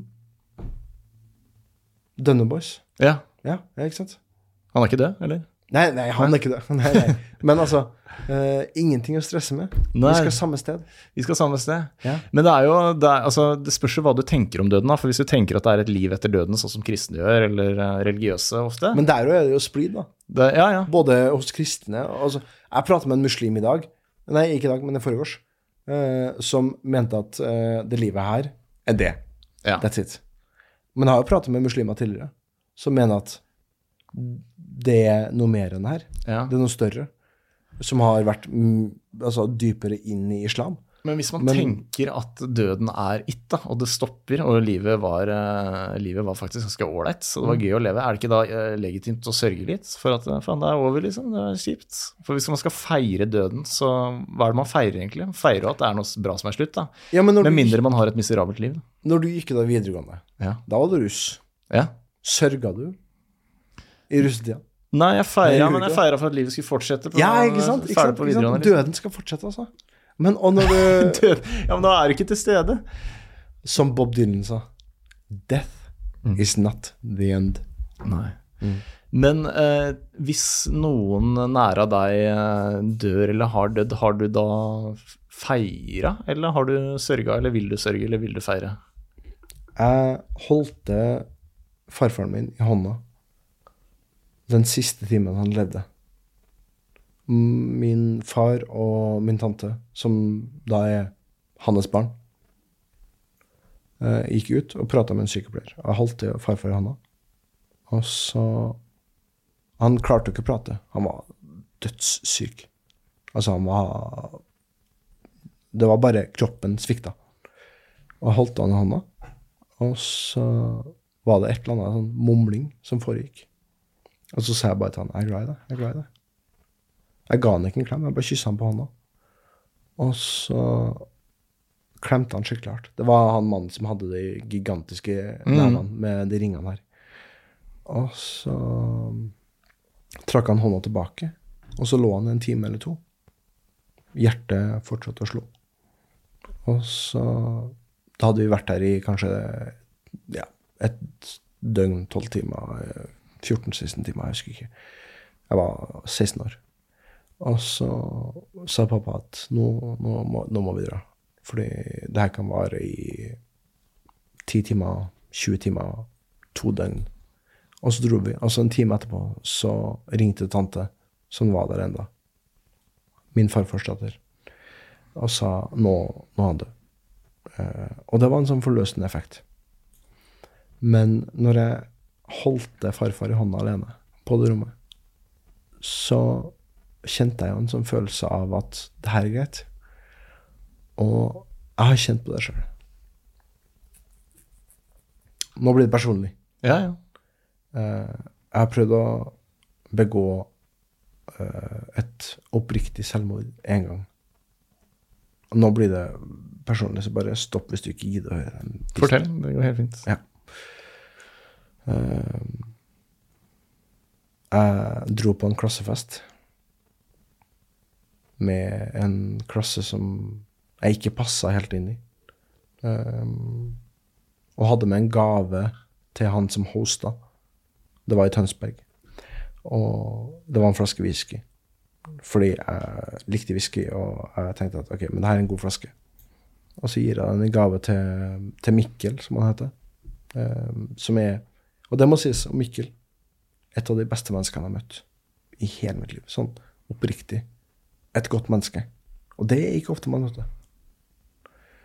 Og så Fredagen er hyggelig å kose og baluba med drikking og tulletøys og studentlivet. lørdagen kommer, og det er baluba, og det er nakenbading og tulletøys og bare fjas. Så går vi opp tilbake til huset, og så begynner jeg å kjenne at jeg begynner å bli tørst. Og så spør jeg Mikkel om ikke han vil ha en smak av den whiskyen. Mest fordi jeg har lyst på den whiskyen. Uh, og så sier Mikkel ja, ja, sure. Og så tar vi en. Og så Han likte den ikke. Jeg syntes den var veldig god, fordi jeg hadde jo smakt på den. Og så spør jeg han om ikke vi kan ta mer.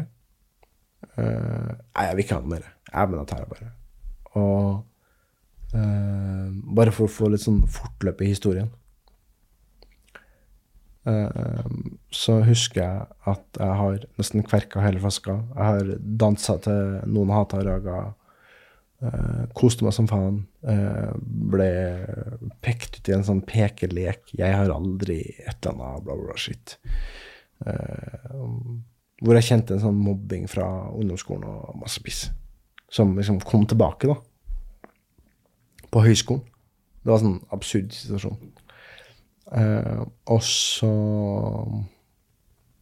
eh, er det stille Tønsberg klokka fem-seks om morgenen. Alle har lagt seg. Og jeg sitter og ser på soloppgangen. Båten som vi kjørte tidligere den dagen, ligger og skvulper i liksom havnebassenget. Og fuglene kvitrer, trærne blafrer i vinden, og det bare er liksom behagelig. Og så tenker jeg sånn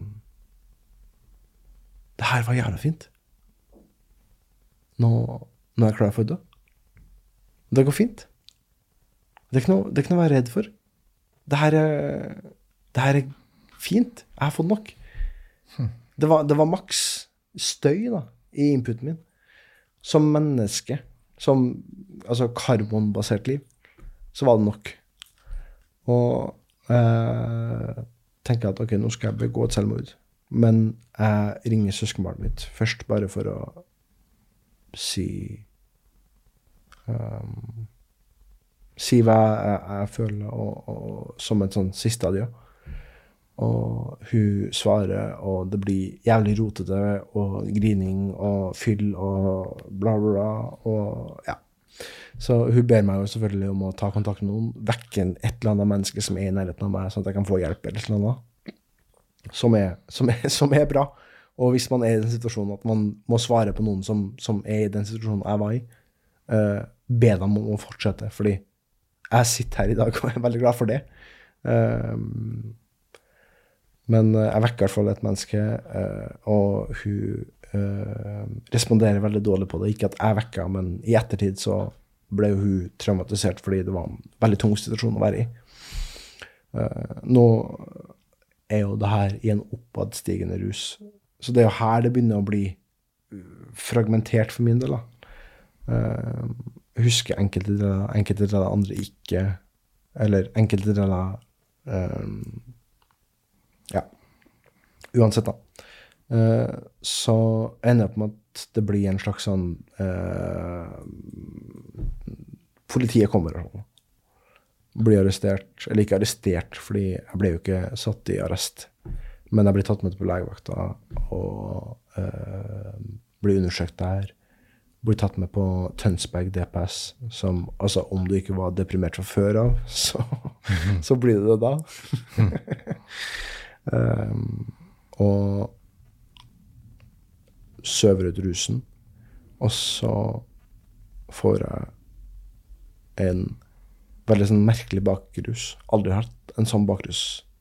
Verken før eller senere. Eh, jeg er jævlig sliten, men veldig skjerpa.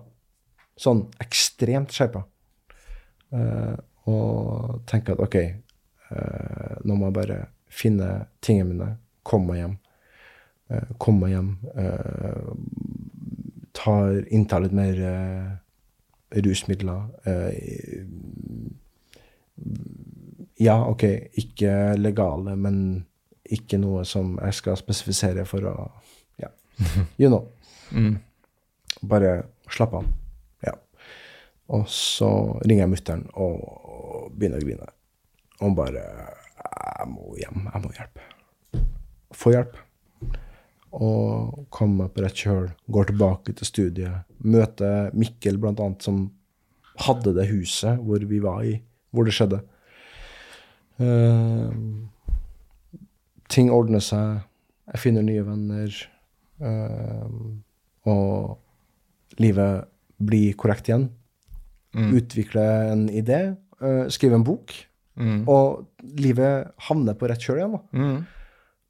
Men den følelsen som jeg hadde i Tønsberg i eh, sånn 2019, når jeg sitter der og ser på soloppgangen Sånn Nå er det greit. Nå kan jeg dø. Mm. Jeg klarer aldri å miste den. Mm. Det er Ja, nei. Jeg var, jeg var klar for det. Og, og, og da først Det er først den liksom Tidlig morgen, form, eller ja, tidlig morgen, at jeg skjønte at det er jo ikke døden det er å være redd for. Det er livet som er skummelt. Mm. Døden er jo greit, det. det er, Altså, det er, den, den er der. Den venter på deg. Den har all verdens tid. Og det går fint. Ha. Døden er jo ikke noe å frykte. Og det har du tatt med deg videre? Ja. Shit. Var det Var det noe som hadde bygd seg opp lenge, eller var det Ja. spontant? Nei, det var jo Det hadde jo tatt sin tid. Ja. Det hadde det jo. Men det nådde et eh, Jeg har ikke lyst til å si toppunkt. Det nådde et, eh, et, et Det nådde et eh, Nei, jeg har ikke lyst til å si bunnpunkt. Det nådde et toppunkt. Ja. For jeg mener at den euforismen av å være um, Det å være bevisst døden og å være klar for selvmordet er en slags livsbejaende begivenhet. Og det er en dissonans der. Jeg vet er en dissonans der. Med at døden er livsbejaende. Livsbejaende. Men den er det. Fordi det er sånn Når du har spist et jævlig godt måltid, og du vil ha mer, og du er på en femstjerners restaurant hvor det er treretters Du får ikke mer. Og det var ekstremt behagelig. Og du er så fornøyd, fordi du er ikke stappmett. Du har ikke spist taco fredag. Du ruller ikke rundt. Men det er liksom akkurat nok. Og det var det jeg følte, jeg også. Men uh, når du sitter her i dag, så er du glad for at det ikke skjedde? Ja, der òg er det en dissonans. Ok. Både òg. Ja. Det, det er sørgelig du- å erkjenne at jeg på, et, på, på en måte hadde vært fornøyd med å være død. Ja. Skjønner du hva jeg mener? ja, jeg tror det. Ja. Men, Men på et annet punkt så Ja. mener jeg at ok, men nå har jeg jo Nå har jeg jo skrevet en bok. ja. Det kan jo bli flere. Jeg kan alltids, jeg kan alltids dø. Det kan jeg ta hånd om. ja. Så du bærer med deg den følelsen fortsatt under der, eller? Jeg klarer aldri å komme bort fra den Ikke frelsen, men den vel forløsninga med å, å vite Ja. at nå er det nok. Nå er det stopp. Fra og med i dag av så er det ingenting mer pass, ingenting mer piss, ingenting mer liv. Nei. Nå er det bare død. Og død er lykke. Det er det jeg sitter med. da. Når som helst, om døden inntreffer, så er døden frelse i form av, Ja, det går fint. i form av å være lykke. Så du, du er mindre redd for døden etter den opplevelsen enn du var før, da? Mm. Døden frykter du ikke lenger? Nei. Det Men du å, ønsker den ikke. å skulle dø, Ja. det å ha det vondt, det å lide, smerte, det, det, det vil jeg ikke ha. Men, men det å dø, selve inntreffelsen av Ja. levende til død, det er ikke skummelt. Men det at du fikk den opplevelsen som nå gjør at du ikke Nei, det går helt fint. eh, som gjør at uh, du ikke frykter selve inntreffelsen av døden, Mm. gjør det at du da setter mer pris på livet nå? At du kan leve Nei. mer fullt ut? Det gjør ikke det? Nope. Å nei. Det er like kjedelig. Det er like kjedelig. Ja, ja. Det er jo- mandag hele året. Ja, du er kunstner, da, så det er jo litt sånn det skal være, er det ikke det? Fan, tenk Men- på det. men- Stereotypisk røff rockelåt. Ja, Ikke sant? Splitter pinne. Mandag hele året. ja ikke sant? Den har jo blitt en sånn Singstar-shit. Ja. Men den er jævla bra linje. Ja, det er sant. Jeg har aldri analysert teksten. Jeg har bare spilt låta. Jeg har fått nok av rushtrafikk og sure passasjerer med vassent blikk. Mandag hele året. Det er ingenting å le av. Men nå har du jo mye bra ting gående for deg. Da. Ikke sant? Du har fått en kjæreste som du digger, og som digger deg. Ja, ikke bare digger, elsker. Elsker, ikke sant? Ja, Hun elsker deg. Du har uh, bøker, du har prosjekter du driver med. Mm. Uh, virker som du syns at livet også er livsbejaende, ikke bare døden.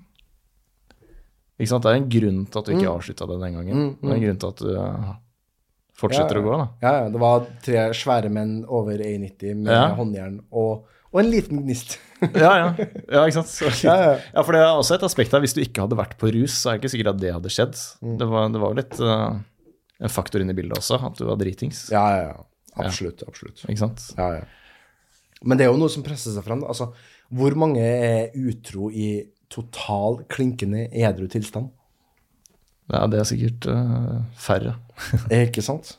Eh, Hvor mange ekteskap har ikke gått tapt i rusens uh, Altså Ja, ja. forlystelse, da? ikke sant? Ja. Men eh, er du ikke veldig glad for at det gikk som det gikk, at du sitter her i dag? Jo. Ja, Men jeg det er godt å høre. Ja, ja, jo, jo, absolutt. jo, jo. Skal Jeg sitter jo og drikker øl, skjønner du, så jeg ble litt sånn der, faen. Skal Nei, nei. Men det, ikke, altså, det, det var jo ikke et problem uh, i rus i, Altså i rusens forstand. Nei, den forsterka deg. Uh, ja, den forsterka et problem som var underliggende. Ja. Den gjorde det. Og jeg har jo ikke et problem i dag med, med rusen som sådan. Nei. Uh, jeg kan jo drikke en øl for mye og si dumme ting, Ja. men det kan jo gud være med om. Ja, ja. Men jeg drikker ikke liksom eh, for mye nå. Til sans og snydens og forbi, nei. Jeg, kan jo gjøre det også, Ja. men da går jeg hjem og legger meg. Ja, ikke sant. Du havner Ja. ikke der du gjorde.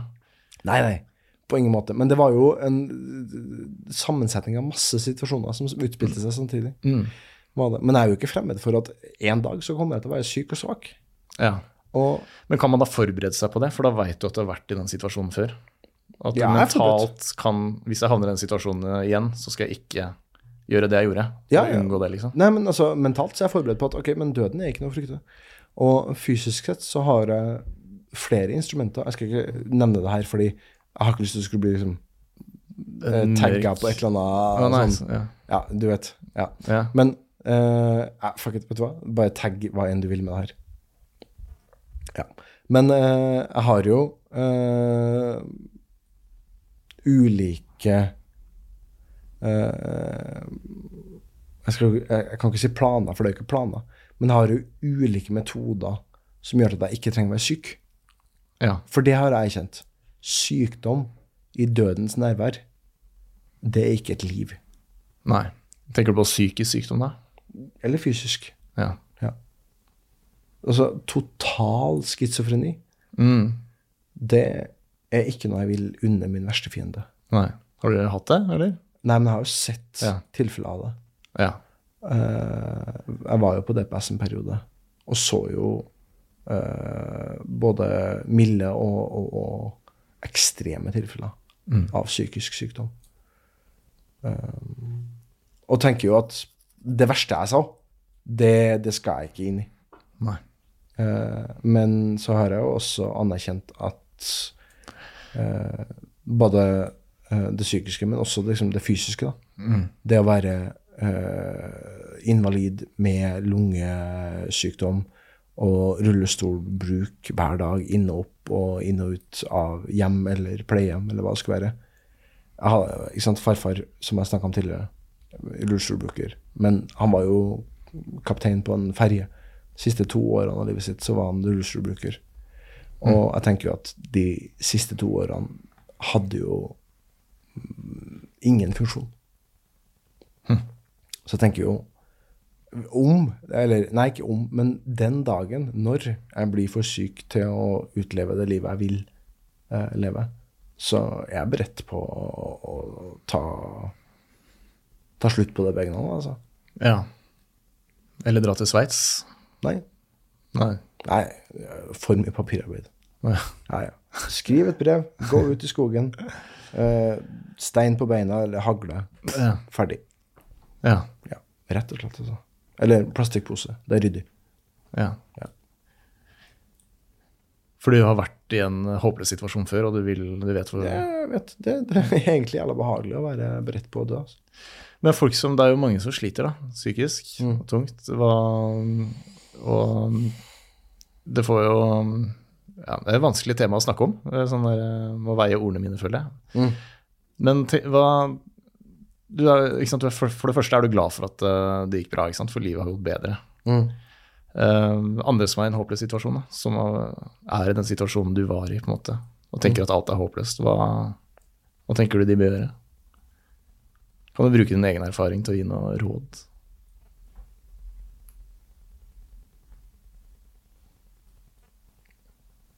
Altså, hvis du ikke har gjort det Hvis du ikke har begått selvmordet, så er det jo en grunn til at du enda er i live.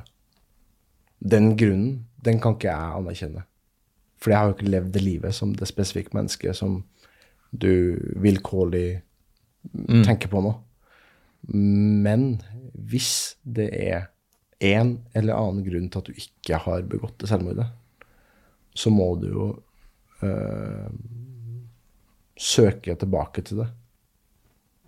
Og forsøke å få en tilkobling til livet. Men hvis det ikke finnes noen tilkobling, så skal ikke jeg stoppe vedkommende. Eller oppfordre vedkommende til å stoppe. Fordi, altså øh, Døden er jo ikke noe vi er fremmed for. Det er jo ikke noe vi ikke skal oppnå. Alle skal oppnå det. Før eller senere så inntreffer det. Og den dagen det inntreffer, så må vi jo anerkjenne at det her var det. Ja, men hva hvis sykdom står i veien, da? Det egentlig fins et eller annet eh, lysglimt der, eller et snøre av håp som man kan klamre seg fast i, men man ser det ikke fordi alt er håpløst. Og man kanskje er syk, og man er dritings. Man er ikke i stand til å Altså Hvis liksom- man er dritings, eh, håp virkelig at politiet arresterer deg, eller gå og legge deg på egen hånd, ja, tenker jeg da. For det var det politiet fikk meg til å gjøre. ja, De fikk jo meg til å gå og legge meg og sove. ja. Uh, og det hjalp mye, det, altså. ja, ja. Ja, ja, det, ja, ja, det hjalp mye, da. Uh, men nei, uh, hvis, det, hvis det er rus involvert, hvis det ikke er en totalt overveid, intellektuelt, kognitivt fatta beslutning, så tenker jeg jo at vedkommende må bare gå og sove. ja. Og, og hvis ikke er mamma eller pappa er der, Mm. ringe den nærmeste, den som har sett deg på det dummeste og på det beste, Mm. og si at eh, du må hjelpe meg. ja. Og, og der skal det sies at det norske samfunnet, eh, altså tross i alt eh, hate norsk eh, helsevesen får i forhold til det psykiske, Mm. så er jo eh, hjelpeapparatet rundt de alvorligste tilfellene eh, veldig på stedet. ja, det er bra. Ja. Det er der skillet går, da. Mm. Eh, fordi dem som har litt behov for hjelp, og dem som har veldig behov for hjelp, Ja.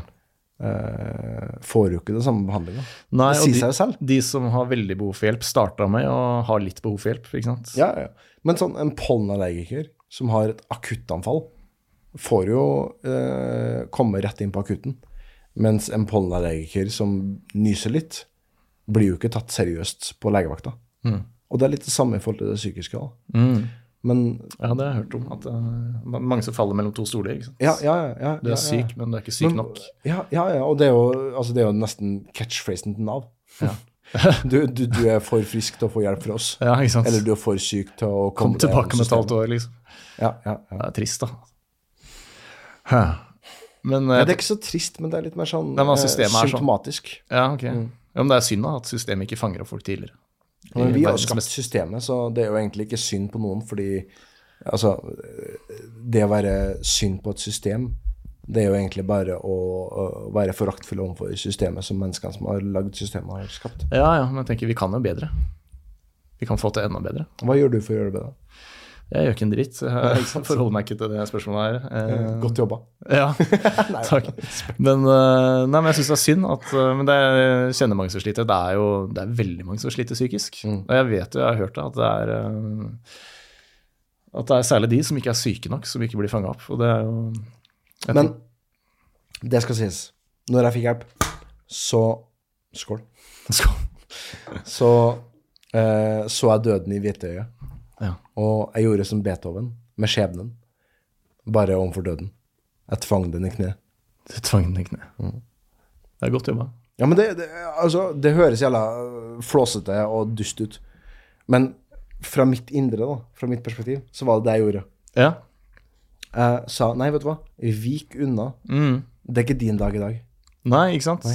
Men er det ikke jævlig mange som har vært i en håpløs situasjon, og som faktisk får hjelp, og er um, i retrospekt er veldig, er veldig glad for at, uh, at de ikke ga seg, da. At de fortsatte. Selv om det var helt jævlig.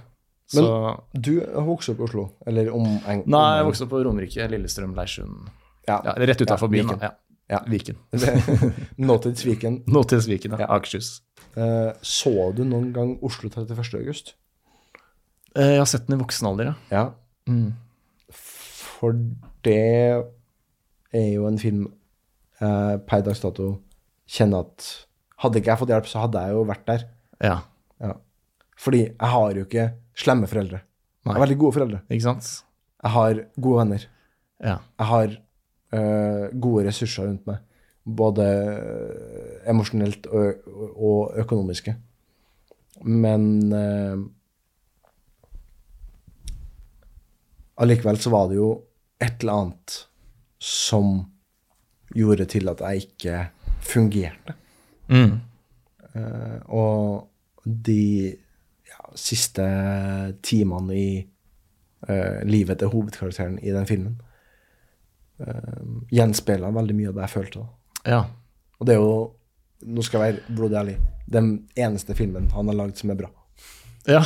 Ja, altså, Jeg har ikke sett den siste Oscar-nominerte. Verdens verste menneske. Ja, verdens, verste menneske Verdens verste er film. verdens verste film. Ja, ikke sant. Ja, men er, det, er vi inne i prestasjonssamfunnet, prestasjonsjag, eh, det, det moderne? Eh, jordbrukssamfunnet for mange hundre år siden? Eh, har du dårlig tid, forresten? Så må du bare si fra. Så, uh, ish. ish, ja, ok. Kvart om vi prøver å runde av. Hvor lang tid har du? Kvarter. Et kvarter, ja. ja. men da runder jeg av. Eh, nei, men jeg tenkte måten vi lever livene på, eh, siden du har hatt en fine foreldre, du har hatt en eh, ok oppvekst. Uh, hadde du hatt Hadde du havna i den situasjonen for 300 år siden? Eller er det et eller annet med samfunnet, hvordan det er Det- strukturert i dag? Vet du hva, det er jævla morsomt, fordi 300 år siden, da snakker vi eh, Snakker vi 18, nei, 1723, gjør det ikke det? Ja, tallet jeg tok ut av løse lufta, men før liksom eh, det jagete samfunnet vi lever i Ja. Før industriell revolusjon. Ja, si det, Ja, da. ja. Fysisk. Ja. Ja, ok. Uh, jeg har trent kampsport i mange år, og fått veldig mye ut av det.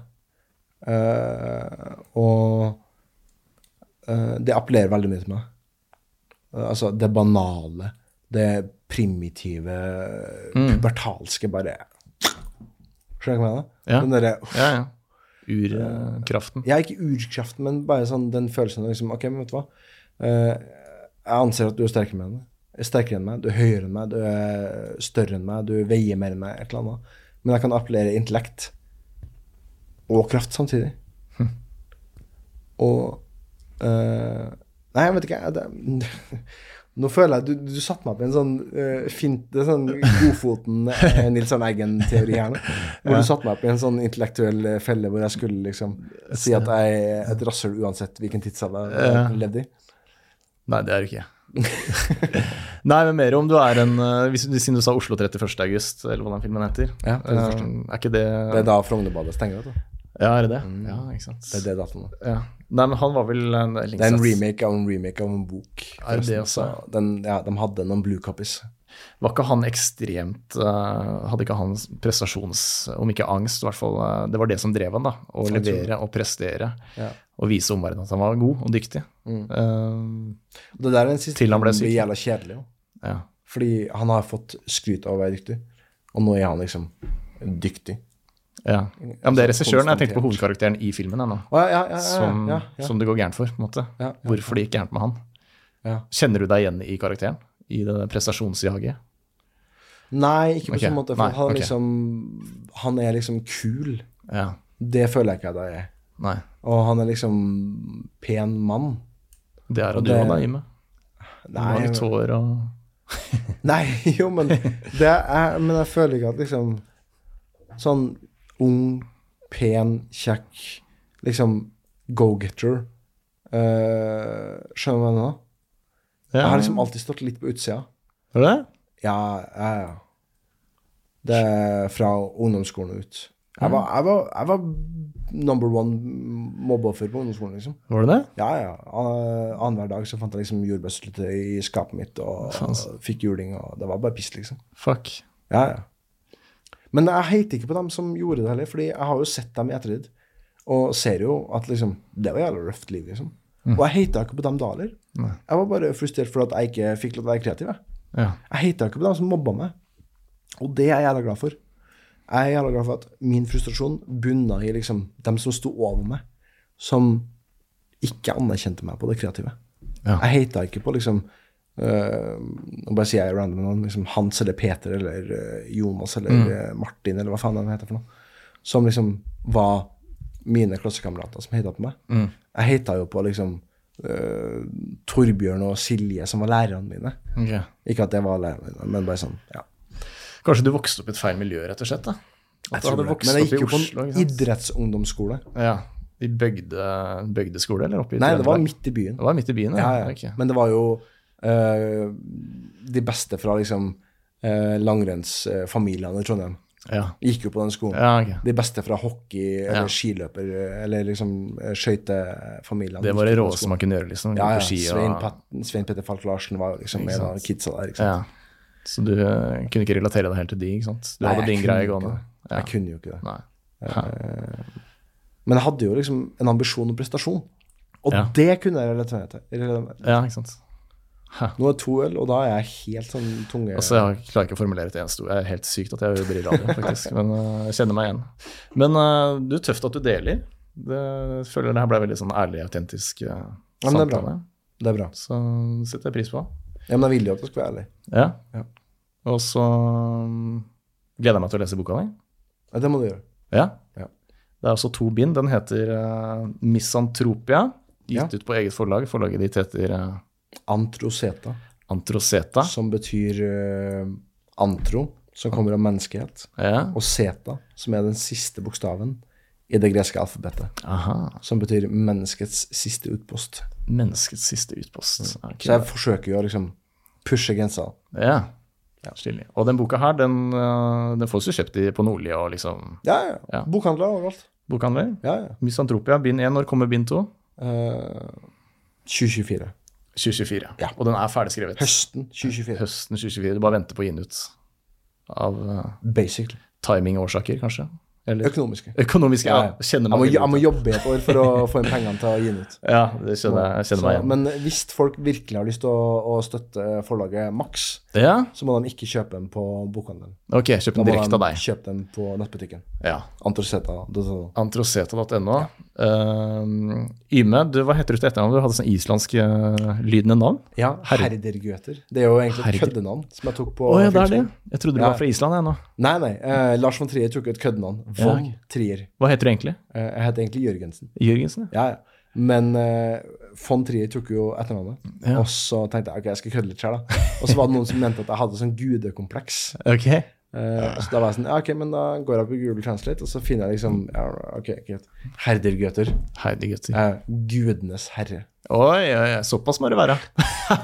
Er Ambisjoner, det liker Men det, er, altså, det står i passet mitt. Og ok, helt på tampen her nå, Ja. for dem som absolutt hører på siste sekund av podden her nå, skal jeg komme med en skikkelig røver.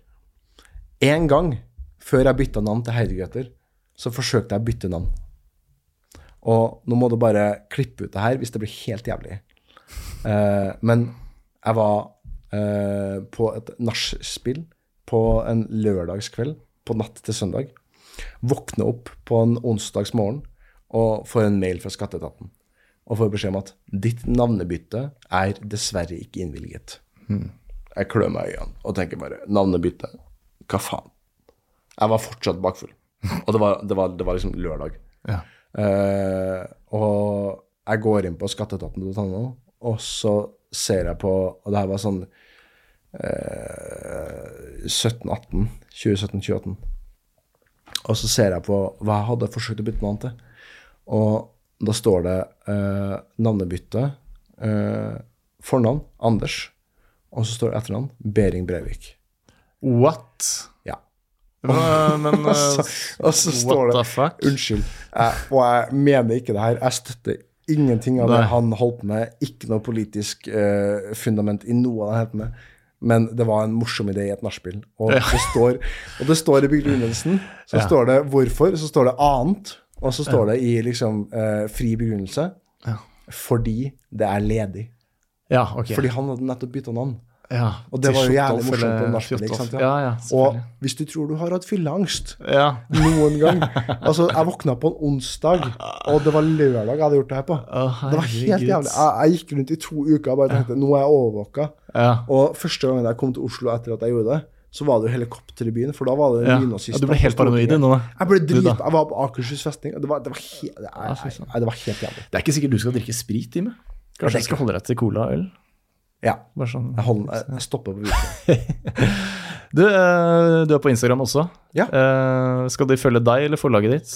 De Forlaget, for det er jeg ikke Ja. på Insta sjøl. Oh, nei, det er bare forlaget. Jeg har businesstelefon. Ja. Er du på andre ting? Twitter eller TikTok eller Nei, Nei. bare Insta, egentlig. Insta Ja. og hjemmesida Ja, ja. heter Ta det en gang til. Antro-ZTHA. Antroset. Antroseta. Antroseta.no. Ja. Du, takk for praten. Veldig fin prat. Liksom.